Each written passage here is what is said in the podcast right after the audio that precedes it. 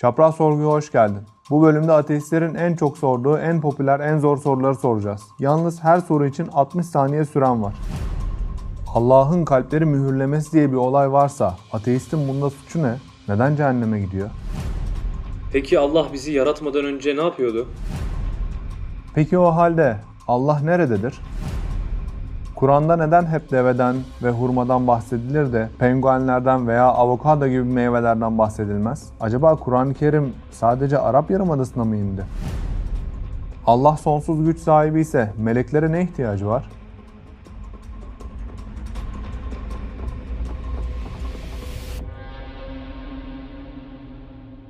Allah'ın kalpleri mühürlemesi diye bir olay varsa ateistin bunda suçu ne? Neden cehenneme gidiyor? Eğer kalp insana mühürlü olarak verilseydi bu sefer bu soru üzerinde konuşabilirdik. Halbuki burada kişinin imanı istememesi üzerine gelişen bir sonuçtan bahsediyoruz. Kişi inkar ede ede artık kalbinde imana olan meyil kalmıyor. Hadis-i şerifte geçer. Kişi günah işleye işleye kalbinin kararıp simsiyah olacağından bahsedilir. Burada da kişi o kadar çok günah giriyor ki ve Allah o kadar çok isyan ediyor ki artık kalbinde iman etmeye meyil kalmıyor. Yani kişi ben inanmak istemiyorum diyor artık. Hani deniyor ya ben Allah'ı görsem de iman etmem diye. Artık bu son mertebeye gelince kalbin mühürlenme meselesi buradaki ismin adı aslında. Yani bu bizim anladığımız gibi rastgele olan ya birisinin kalbini Allah öylesine mühürlüyor ve artık yapacak bir şey yok, çaresiz kalmış da inkar ediyor değil. Böyle bir olay yok. Eğer her inkar eden kişinin kalbi mühürlenmiş olsaydı bu sefer hiç kimsenin Müslüman olmaması gerekirdi. Halbuki bakıyoruz birçok kişi, birçok ateist devamında Müslüman olabiliyor, tövbe edebiliyor. Yani biz bir kişinin kalbinin mühürlü olup olmadığını bilemeyiz. Ama Allah zamana bağlı olmadığından dolayı kişinin nasıl öleceğini bildiği için doğal olarak kimin kalbinin mühürlü olup olmadığını da Allah bilecektir. Ama bizler bilmiyoruz. Peki Allah bizi yaratmadan önce ne yapıyordu? Şimdi burada zamansızlık kavramını algılayamadığımız için sorulan hatalı bir soru var aslında. Neden? Çünkü Allah bizi yaratmadan önce ne yapıyordu diyerek aslında Allah da sanki zaman dilimin içerisindeymiş gibi düşünüyoruz. Halbuki Allah için zaman kavramı yoktur. Zaten zamanı yaratan Allah. Doğal olarak zaman yoksa Allah için önce, sonra gibi kavramlar geçerli olmayacaktır. E, Biz insanlar bunu çok kavrayamıyoruz. Neden? Çünkü biz zamanın içerisinde olduğumuz için zamansızlık nasıl bir şeydir bunu çok bilemeyebiliyoruz. Olay aslında şuna benziyor. Denizde hiç canlı yaşadığını bilmeyen birisi orada birisinin yaşama ihtimalini hiç algılayamayacaktır. Veya hayatında hiç renk görmemiş olan birisine rengi çok fazla anlatamazsın. Bunun gibi de biz de zamana bağlı yaşadığımız için zamansızlık kavramını çok anlayamayabiliyoruz. Ama şöyle düşünebiliriz. Şimdi Allah güneşten etkilenir mi diye sorsam ya ne alaka deriz değil mi? Yani güneşten nasıl etkilensin? Güneşi sonuçta Allah yaratmış. Ondan etkilenmez deriz. E bunun gibi de güneşi nasıl yarattıysa zamanı da Allah yaratmıştır. Güneşten etkilenmediği gibi zamandan da Allah etkilenmez. Doğal olarak Allah için önce sonra kavramları olmayacaktır. Şunu söylememiz lazım. Allah isim ve sıfatlarıyla her daim vardır. Ezeli ve ebedidir. Peki o halde Allah nerededir? Yine bak nerededir sorusu bize ait bir kavram. Yani yaratılmış olan bizler mekana muhtacız. Çünkü kainatın içerisinde zaman ve mekan kavramları var. Ama yine zaman ve mekanı zaten yaratan bir zat için mekan isnat etmek mantıklı değil. Ki zaten kainatı Allah yaratmış, zamanı Allah yaratmış, mekanı Allah yaratmış. Doğal olarak mekana muhtaç olması mantıklı değildir. Allah zamandan ve mekandan ve maddeden münezzehtir. Şimdi mekan isnat etmek aslında bir nevi muhtaçlığı gösteriyor. Neden? Bir mekan olmayınca bizim konumlanabileceğimiz bir yer yok. Değil mi? Mutlaka bir mekanın olması lazım ki orada biz yaşamımızı devam ettirebilelim. Yani bu aslında mekan olması yine muhtaçlıkla, acizlikle alakalı bir şey. Biz mekana muhtacız. Ama Allah için bir acizlik, bir şeye muhtaç olma gibi kavramlar olmadığından dolayı mekan da yoktur, zaman da yoktur, bir şeye bağımlılık ve zorunluluk gibi kavramlar da yoktur. Allah subhandır, hiçbir şeye muhtaç değildir. Kur'an'da neden hep deveden ve hurmadan bahsedilir de penguenlerden veya avokado gibi meyvelerden bahsedilmez? Acaba Kur'an-ı Kerim sadece Arap Yarımadası'na mı indi? Şimdi Kur'an-ı Kerim evrensel bir kitaptır. Evrensel bir kitap olduğu için her topluma hitap etmesi lazım.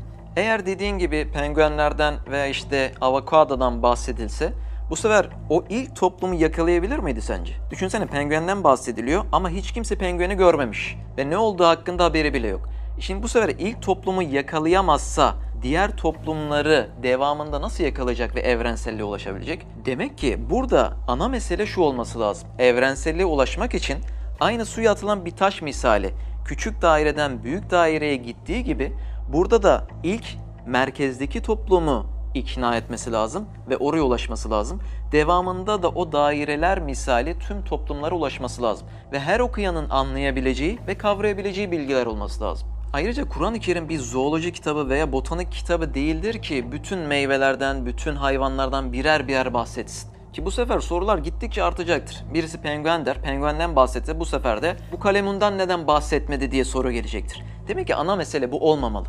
Kur'an-ı Kerim deveden bahseder ve böylelikle o deveden çıkarım yapılınca bütün hayvanlara o çıkarımı uygulayabilirsin. Mesela Kur'an-ı Kerim'de ayette geçer. Deveye hiç bakmaz mısınızdır? Burada tefekkür penceresini, düşünme penceresini insanlarda açtıktan sonra bu sefer bütün hayvanlara o düşünceyi sen uygulayabilirsin. Yani Kur'an-ı Kerim bizzat hayvandan bahsetmesi, bitkiden bahsetmesi onun zatı için değildir. Kur'an-ı Kerim kainattan Allah hesabına bahseder. Yani sanattan sanatkarı hesabına bahseder. Oradan biz sanatkara çıkarım yaparız. Bu sefer bizde maddeden ziyade manaya olan bir bakış açısı gelişir. Ve böylelikle her gördüğümüz maddede, hayvanda, bitkide ve kainatın her yerinde biz Allah'ı bulabiliriz. Allah sonsuz güç sahibi ise meleklere ne ihtiyacı var? Şimdi ihtiyaç ayrıdır, tercih ayrıdır.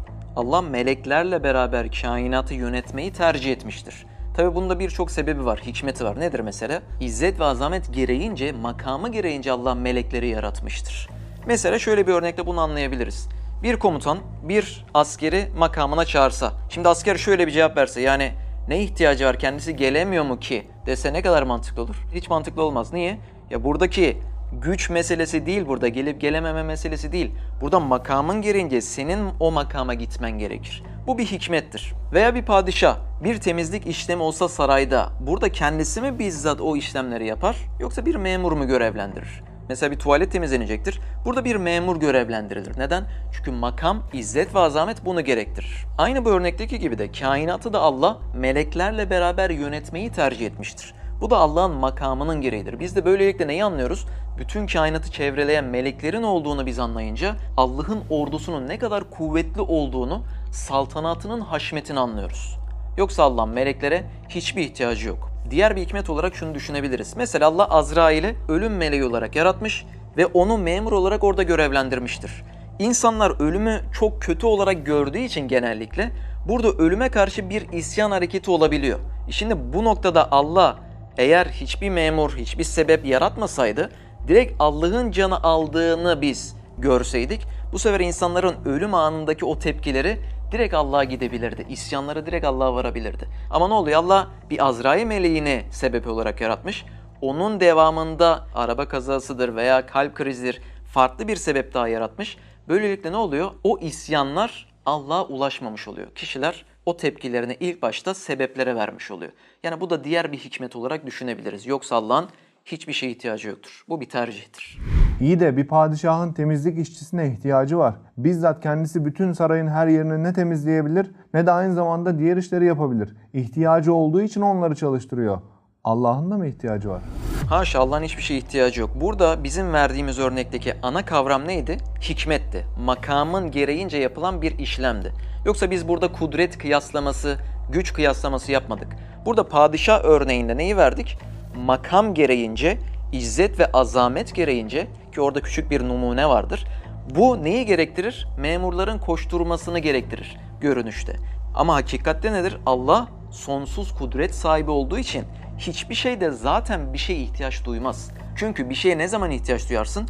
Sana acizlik geldiği zaman ihtiyaç duyarsın. E şimdi Allah'ın gücü ve kudreti sonsuz olduğu için acizlik devreye girmiyor ki derecelendirme olsun. O zaman diyoruz ki bir zerreyi, bir atomu kontrol etmekle kainattaki galaksileri kontrol etmek, yönetmek Allah için birdir. Sonsuz kolaylıktadır. Neden? Çünkü acizlik devreye girmiyor.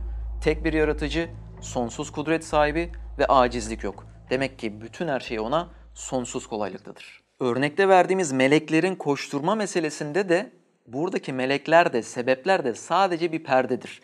Yoksa kainatta ne olup bitiyorsa bütün her şeyin kontrolü Allah'tadır. Peki Allah beni yaratırken bana mı sordu? Bu soruda aslında biraz çelişki var. Neden? Çünkü Allah beni yaratırken bana mı sordu deyip sana sorulmasını istiyorsan seni yine yaratması gerekmez mi? Yine seni yaratması gerekir. Aslında yine burada bir çelişki var. Sana sorulması için yaratılman lazım. Ayrıca kalu bela dediğimiz bir hadise de var. Nedir yani? Allah ruhları yarattığı zaman ruhlara ben sizin Rabbiniz değil miyim diye soruyor. Ve ruhlar aleminde bizler de ne cevap veriyoruz? Evet Rabbimizsin diyerek cevap veriyoruz. İnsan şunu sorabilir ya ben bunu hatırlamıyorum ama diye soruyor olabilir. Zaten mantıklı olan, normal olan bunun hatırlanmamasıdır. Çünkü herkesin bu durumu hatırlıyor olması halinde ne olacaktır? Herkes iman edecektir. Çünkü hatırlıyorsun zaten. Ama ne oluyor? İmtihan gereğince biz bunu unutuyoruz ve burada imtihan devam ediyor. Yoksa bu kalu bela dediğimiz Allah'ın ruhları şahit kılma meselesi yine var. Ayrıca Allah'ın kainatı ve insanlığı yaratmasında da büyük faydalar, büyük hikmetler var. Mesela böyle bir imtihan meydanının varlığıyla beraber kabiliyetler açığa çıkıyor. Mücadeleyle beraber kabiliyet açığa çıkıyor. Mesela peygamberleri düşündüğümüzde peygamberlerin ortaya çıkması yine kainatın yaratılmasıyla beraber olmuştur. Demek ki birkaç kişi ya keşke yaratılmasaydı ya bana mı sordu yaratırken gibi bir kavramlar söyledi diye bu kadar büyük bir hikmet, bu kadar büyük bir fayda elbette geri planda bırakılmayacaktır. Çünkü Allah hakim muttaktır. Yaptığı her işte en faydalıyı gözetir. Ayrıca bir de Allah'ın cömertlik isimlerini de düşünmemiz lazım. İkram etmeyi sevmesi, cömert olması bunları düşünmemiz lazım. Mesela bir insan büyük bir sofra açsa, insanları da buraya davet etse. Şimdi biri çıkıp şunu dese mantıklı olur mu? Ya bu kadar ikram ediyorsun ama bana sordun mu? Dese ne kadar mantıklı olur? Ya insan cömert, ikram etmek istiyor. Bana sordun mu çok kaba bir tabir aslında. Hem bunun gibi de Allah da yeryüzünü insanlığın ayağının altına sermiş. Yeryüzünü bir sofra yapmış. E Şimdi bu kadar büyük bir sofrayı açan Allah'a karşı da haşa ya bana sordun mu gibi bir tabir de çok güzel bir tabir olmuyor. Allah cömerttir. Cömert olan Allah da ikram etmek ister. Hem bu dünyada ikram edecek hem de ebedi hayatta ikram edecektir. Ya zaten bu soru genellikle hani psikolojik olarak bunalıma giren birisinin sorduğu soru. Yoksa herkes yaşamayı seviyor mu? Seviyor. Yazın olduğunda ya bir tatil yapsak mı diye arkadaşları kişiler konuşuyor mu? Konuşuyor. Yani herkes aslında yaşamayı seviyor, var olmayı seviyor. Ama ne oluyor? Bunalıma giriyor insan. Ya neden varım ki? Neden bu sıkıntılar beni buldu ki gibi moda girince "E, keşke yaratılmasaydığa bağlıyor. Veya şöyle oluyor mesela. Cehenneme gideceğini düşünüyor kişi. Bu sefer diyor ki ya cehenneme gideceksen benim kurtuluşum yok. Ben, ben affolmam diye düşününce bu sefer ya keşke yaratılmasaydım bana mı sordu ki haşa. Oradan şeytan bir vesvese atıyor aslında. Halbuki Allah ne diyor? Bütün günahları affederim diyor. Şirk hariç. Sorularımız buraya kadar. Bir sonraki Sözler Köşkü videosunda görüşmek üzere. Her soruyu açığız. İsteyen istediği soruyu sorabilir. Kendimize değil, Kur'an-ı Kerim'e güveniyoruz.